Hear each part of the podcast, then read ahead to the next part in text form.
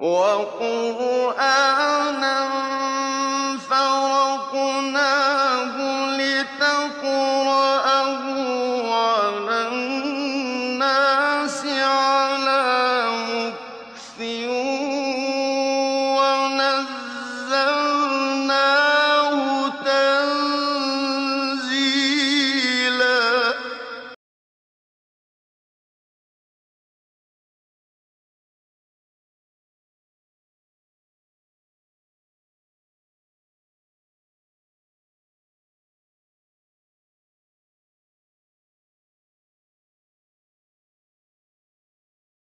بإذن الله عز وجل في هذا اليوم المبارك سنقف عند أواخر أواسط المفصل.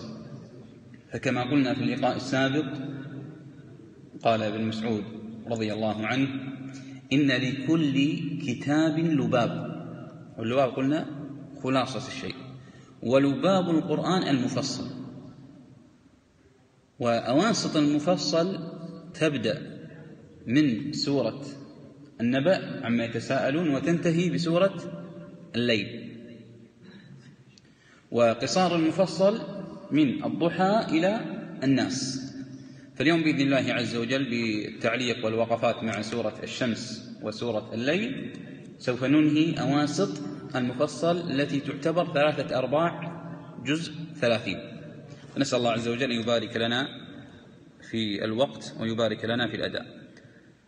وهذه السورة هي من السور التي أقسم الله عز وجل بها وهي من التضاد. فقال الشمس وبعدها الليل. وأقسم الله عز وجل في محور هذه السورة بتزكية النفس وتزكية الأعمال. فأقسم سبحانه وتعالى بأحد عشر قسما. فقال والشمس وضحاها. بسم الله الرحمن الرحيم. والشمس وضحاها. بدأ فأقسم بالشمس وهي الضوء الوهاج والسراج. المنير التي تشع بأشعة كبيرة وعظيمة وتنير جميع الكون. وكذلك حتى القمر يأخذ أشعته ونوره من الشمس. قال الله عز وجل والشمس أي أقسم بالشمس قال وضحاها. أي الشمس وكيف تكون متوهجة في الضحى عندما تضيء جميع ما تسطع عليه من الكون. قال والشمس وضحاها أي وقت الضحى. قال والقمر إذا تلاها أي أتى, الش... أتى القمر بعد الشمس. الشمس ينبغي لها أن تدرك القمر ولا الليل سابق النهار وكل في فلك يسبحون قال والقمر إذا تلاها قال والنهار إذا جلاها أي النهار إذا جلى الأرض الأرض تكون مظلمة فإذا طلع النهار وضحت معالم الأرض. والنهار إذا جلاها والليل إذا يغشاها أي أظلم هذا الليل فأظلمت الأرض. فنرى التضاد قال الشمس والقمر والليل والنهار. قال والسماء وما بناها. قال هنا العلماء اختلفوا في تفسير ما. هل بمعنى ماء الموصولة؟ أي بمعنى ماء والذي بناها؟ أو بمعنى المصدرية أي ما السماء وبناءها وبناءها أي كيف الله عز وجل أقسم بالسماء وأقسم ببناء السماء. فمن قال أنها والسماء والذي بناها فهي قسم بالسماء وأقسم سبحانه وتعالى بذاته العلية. ومن قال أنها السماء وقسم ببناء السماء فكذلك صحيح. قال والسماء وما بناها وعكس السماء ماذا؟ والأرض وما طحاها. أي كيف أن الله عز وجل دحاها. فالدح كما هو نفس معنى الأرض والأرض إذا الأرض إذا دحاها وكذلك والأرض وما طحاها. فدحاها وطحاها بنفس المعنى أي بمعنى سواها فجعلها مستوية. قال ونفس وما سواها. فكذلك اختلف العلماء بهذه الماء هل هي بمعنى والذي سواها أو كذلك كيف الله عز وجل أبدع في خلقها فسواها. قال ونفس وما سواها فألهمها فجورها وتقواها. الله عز وجل ألهم هذه النفس عندما خلقها فألهمها الفجور أي بين لها الفجور وبين لها التقوى. كما قال في آية أخرى قال وهديناه النجدين أي بين الله له طريق الحق وطريق الضلال. وقال لمن شاء منكم أن يتقدم أو يتأخر. الله عز وجل بين. لكن من الناس من يهتدي ومنهم من يضل. الهداية هي نوعان. كما قال العلماء قال هداية بيان وهداية توفيق. وبعضهم قال هداية إرشاد وهداية توفيق. هداية إرشاد هذه لجميع الخلق. الله عز وجل هدى جميع الخلق. فبين لهم طريق الحق وطريق الضلال. لكن هداية التوفيق هي من اختاره الله عز وجل واصطفاه ليكون من عباده الصالحين. قال الله عز وجل وأما ثمود فهديناه. هذه هداية ماذا؟ البيان والإرشاد. أي بينا لهم الطريق فاستحبوا العمى على الهدى. أي لم يلتزموا طريق الحق وإنما ضلوا ولم يمتثلوا لأمر الله عز وجل. قال ونفس وما سواها فألهمها فجورها وتقواها قد أفلح أي نجح وفاز قد أفلح من زكاها أي زكى نفسه والتزكية بمعنى التطهير والتنقية وكذلك بمعنى الرفعة. فأنت تطهر نفسك وتزكيها من الخبائث ومن الصفات الذميمة وترفعها عن الدنايا. وعن الأمور السفسافة التي لا تقدمك ولا تقربك إلى الله عز وجل. قال ونفس وما سواها فألهمها فجورها وتقواها قد أفلح من زكاها وقد خاب من دساها. أي فلح ونجح ووصل إلى الله عز وجل من زكى نفسه وخاب وخسر وضل عن الطريق الحق من دس نفسه. والدس هو بمعنى الذل والخفض لهذه النفس وتجعلها في الأمور المنحطة. قال أن تدس نفسك. قال ونفس وما سواها. قد أفلح من زكاها وقد خاب من دسها. نسأل الله عز وجل يعني ممن يزكي نفسه. قال قد أفلح من زكاها وقد خاب من دساها. حتى قال النبي صلى الله عليه وسلم ثلاث من, فعل من فعلهن طعم طعم الإيمان. قالوا يا رسول الله وما هي؟ فذكرها وذكر منها قال وزكى نفسه. من يزكي نفسه يذوق طعم الإيمان وحلاوة الإيمان. فقالوا يا رسول الله وكيف يزكي نفسه؟ قال أن يعلم عند طاعته وعند فعله لأوامر الله عز وجل أن الله يراه وأن الله مطلع عليه.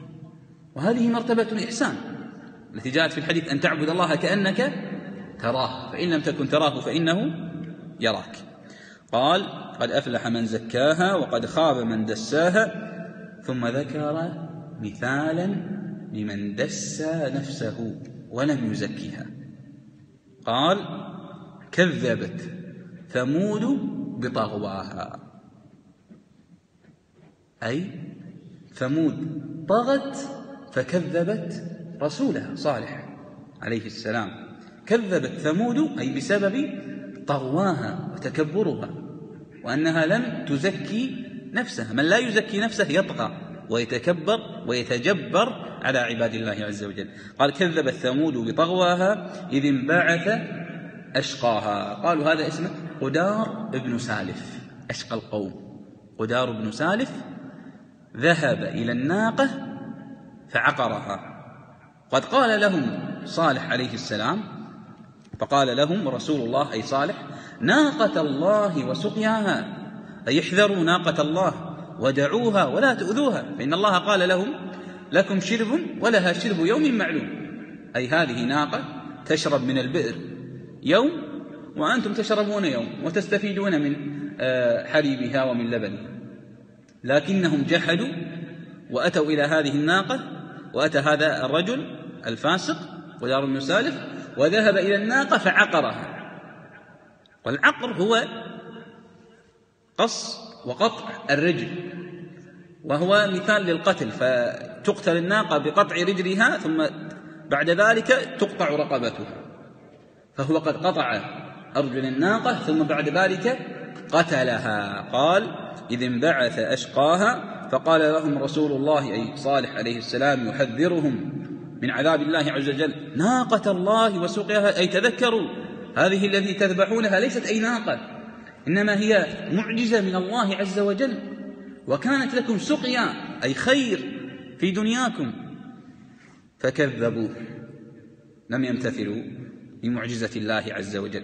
فعقروها فدمدم عليهم ربهم بذنبهم فسواها. أنزل الله عليهم العذاب فسوى الأرض بهم. وعمهم بجميع العذاب فلم يخلف منهم أحدا. فدمدم عليهم ربهم بذنبهم فسواها ولا يخاف عقباها. أي الله عز وجل لا يخاف, لا يخاف عقبى ما يفعل فهو خالق الخلق وهو رب العالمين وهو القوي وهو القوي القهار. لا يسأل عما يفعل وهم يسألون. من تواضع لله رفعه ومن تكبر على الله قصمه. فهم قد كذبوا وطغوا فقصمهم الله عز وجل. ثم بعد ذلك بعد أن قسم الله عز وجل بالشمس وضحاها والتضاد وبين تزكية النفس أتى إلى سورة الليل فقال وذكر أمثلة تزكية النفس. كيف يزكي الإنسان نفسه؟ فذكر بعض الأعمال. فبدأ بالقسم كما بدأ بسورة الشمس فقال والليل إذا يغشى أي إذا اشتد ونام كما قلنا والنهار إذا تجلى أي بدأ ضوءه وسطع. قال وما خلق الذكر والأنثى؟ يا الله عز وجل خلق الذكر والأنثى فكل شيء قد خلقه الله عز وجل منه ذكر وأنثى من الحيوانات والجن والإنس لكي يتكاثروا. وما خلق الذكر والأنثى إن سعيكم لشتى. هذا المقسم عليه. أقسم الله بالليل والنهار والذكر والأنثى فقال إن سعيكم لشتى. أي مسيرتكم في هذه الدنيا لشتى. فمنهم من يسعى للأعمال الصالحة ومنهم من يسعى للأعمال الفاسدة. فمن يسعى للأعمال الصالحة قال الله فيهم في آية أخرى وكان سعيهم مشكورا. يشكرهم الله عز وجل على هذا السعي الخير. وأما من كان سعيه للباطل فإن الله قد أبطل سعيه. فقال إن سعيكم لشتى. أي أهدافكم في الدنيا وأعمالكم مختلفة. فأما القسم الأول من أعطى أنفق في سبيل الله وأعطى لله عز وجل من وقت وجهد وعمل فأما من أعطى واتقى أي أعطى الخيرات والأعمال الصالحة واتقى المحرمات التي نهى الله عز وجل عنها فأما من أعطى واتقى وصدق بالحسنى أي صدق بجزاء الله عز وجل وبوعد الله عز وجل له بالجنة وبالخيرات فسنيسره لليسرى. سنيسر له جميع أموره في الدنيا والآخرة وأعظم اليسرى أن نوفقه لدخول الجنة. فكما قال النبي صلى الله عليه وسلم لا يدخل أحدكم الجنة بعمله. قالوا يا رسول الله ولا أنت. قال ولا أنا. إلا أن يتغمدني الله برحمة منه فنحن لن ندخل الجنة إلا برحمة الله عز وجل. قال إن سعيكم لشتى فأما من أعطى واتقى وصدق بالحسنى فسنيسره لليسرى وأما من بخل لم يعطي الزكاة ولم يعطي الصدقات الواجبة؟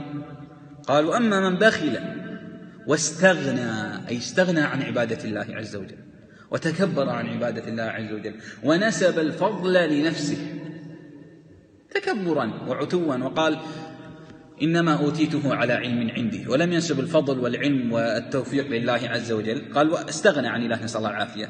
قال وأما من بخل واستغنى وكذب بالحسنى أي كذب بالجزاء وكذب بالجنة فسنيسره للعسرى الأمر العسير في الدنيا والآخرة. في الدنيا لن يوفقه الله عز وجل لطاعته فتراه يصد عن مواطن الخيرات ويصد عن الأذكار ويصد عن المحافظة على الصلوات ويصد عن أداء الزكوات والصدقات وفي الآخرة يصد عن دخول الجنات. نسأل الله العافية. قال فسنيسره للعسرى. ثم قال وما يغني عنه ماله إذا تردى. هذه الأموال التي اغتر بها في الدنيا والجاه والمنصب ما تغني عنه إذا تردى. ما معنى تردى؟ إذا مات تردى في الحفرة في القبر. وما يغني عنه ماله إذا تردى. ثم ذكر الله عز وجل وبين القاعدة قال إن علينا للهدى. الهدى والفلاح عندنا وفي طريقنا. من سلك طريق الفلاح وصل إلى الله عز وجل. قال إن علينا للهدى وإن لنا للآخرة والأولى أي ملك الآخرة والأولى هي ملك لله عز وجل. فمن أراد الآخرة فعليه بالقدوم على الله عز وجل ومن أراد الدنيا فعليه كذلك بالقدوم على الله عز وجل. من كان يريد ثواب الدنيا فعند الله ثواب الدنيا والآخرة.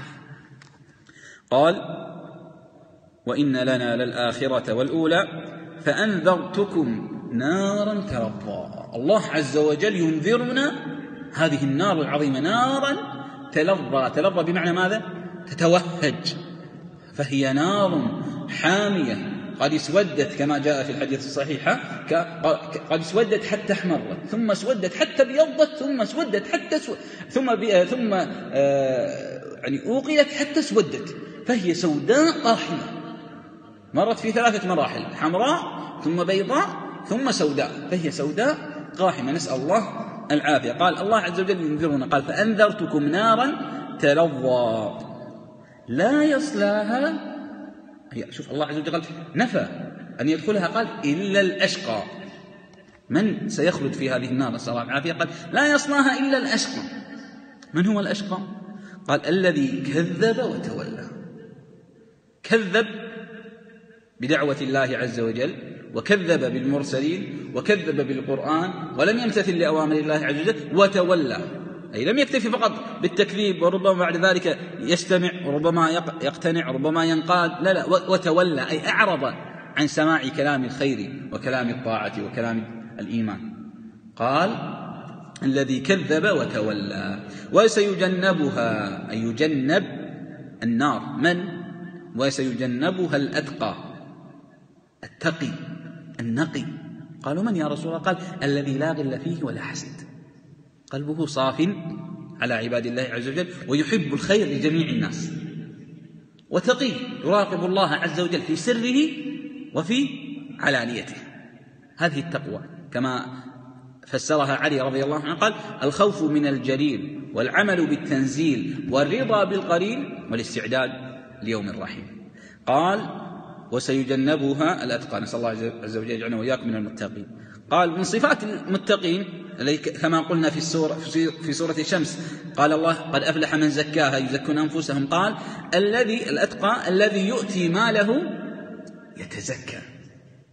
شوف كلمة يتزكى قد أفلح من زكاها. ليس معنى هنا يؤتي ماله يتزكى من الزكاة. لا إنما يؤتي ماله ليتزكى أي ليطهر نفسه. فالزكاة هي تطهير للنفس وتهذيب لها فهو لم يؤتي ماله لكي فقط آه، لا يطالبه الفقراء أو لكي لا يطالبه ولي الأمر بإخراج الزكاة أو لكي لا يأتي إليه الناس ويطالبونه بالصدقات من أجل الناس لا لا لا. هو يخرج المال من أجل تطهير نفسه. قال الذي يؤتي ماله يتزكى. وما لأحد عنده من نعمة تجزى. حتى قال بعض العلماء وذكر بعضهم الإجماع أن هذه السورة عفوا أن هذه الآيات نزلت في أبي بكر الصديق. قال الذي يؤتي ماله يتزكى أي من أجل تزكية نفسه وما لأحد عنده من نعمة تجزى. أي لم أعطي هذه الصدقات وهذه الفقراء والله لعامل المسجد لأنه يعمل لي ومنه هو فقير فأعطيه. أو لم أعطي هذه الزكاة للسائق فهو سائق يخدمني ومع ذلك أعطيه فوق الراتب. لا لا لا. أعطيه لشخص فقير ليس بيني وبينه أي علاقة حتى لا تكون له علي منة أو خدمة. لذلك قال النبي صلى الله عليه وسلم ليس أحد علي أمن بماله من أبو بكر الصديق. لا ينفق نفقة قد من عليه أحد لم يمن عليه أحد إلى الله عز وجل بأن هداه للإسلام. قال الذي يؤتي ماله يتزكى. وهذا احرص لكي تكون صدقتك خيرة أن تعطيها لشخص ليس بينك وبينه أي علاقة. وليس بينك وبينه أي مصلحة ولم تكن بينك وبينه أي معاملة في خدمة أو مساعدة. لكي تكون منة لله عز وجل والله عز وجل يمن عليك وليس بينك وبينه أي مصلحة.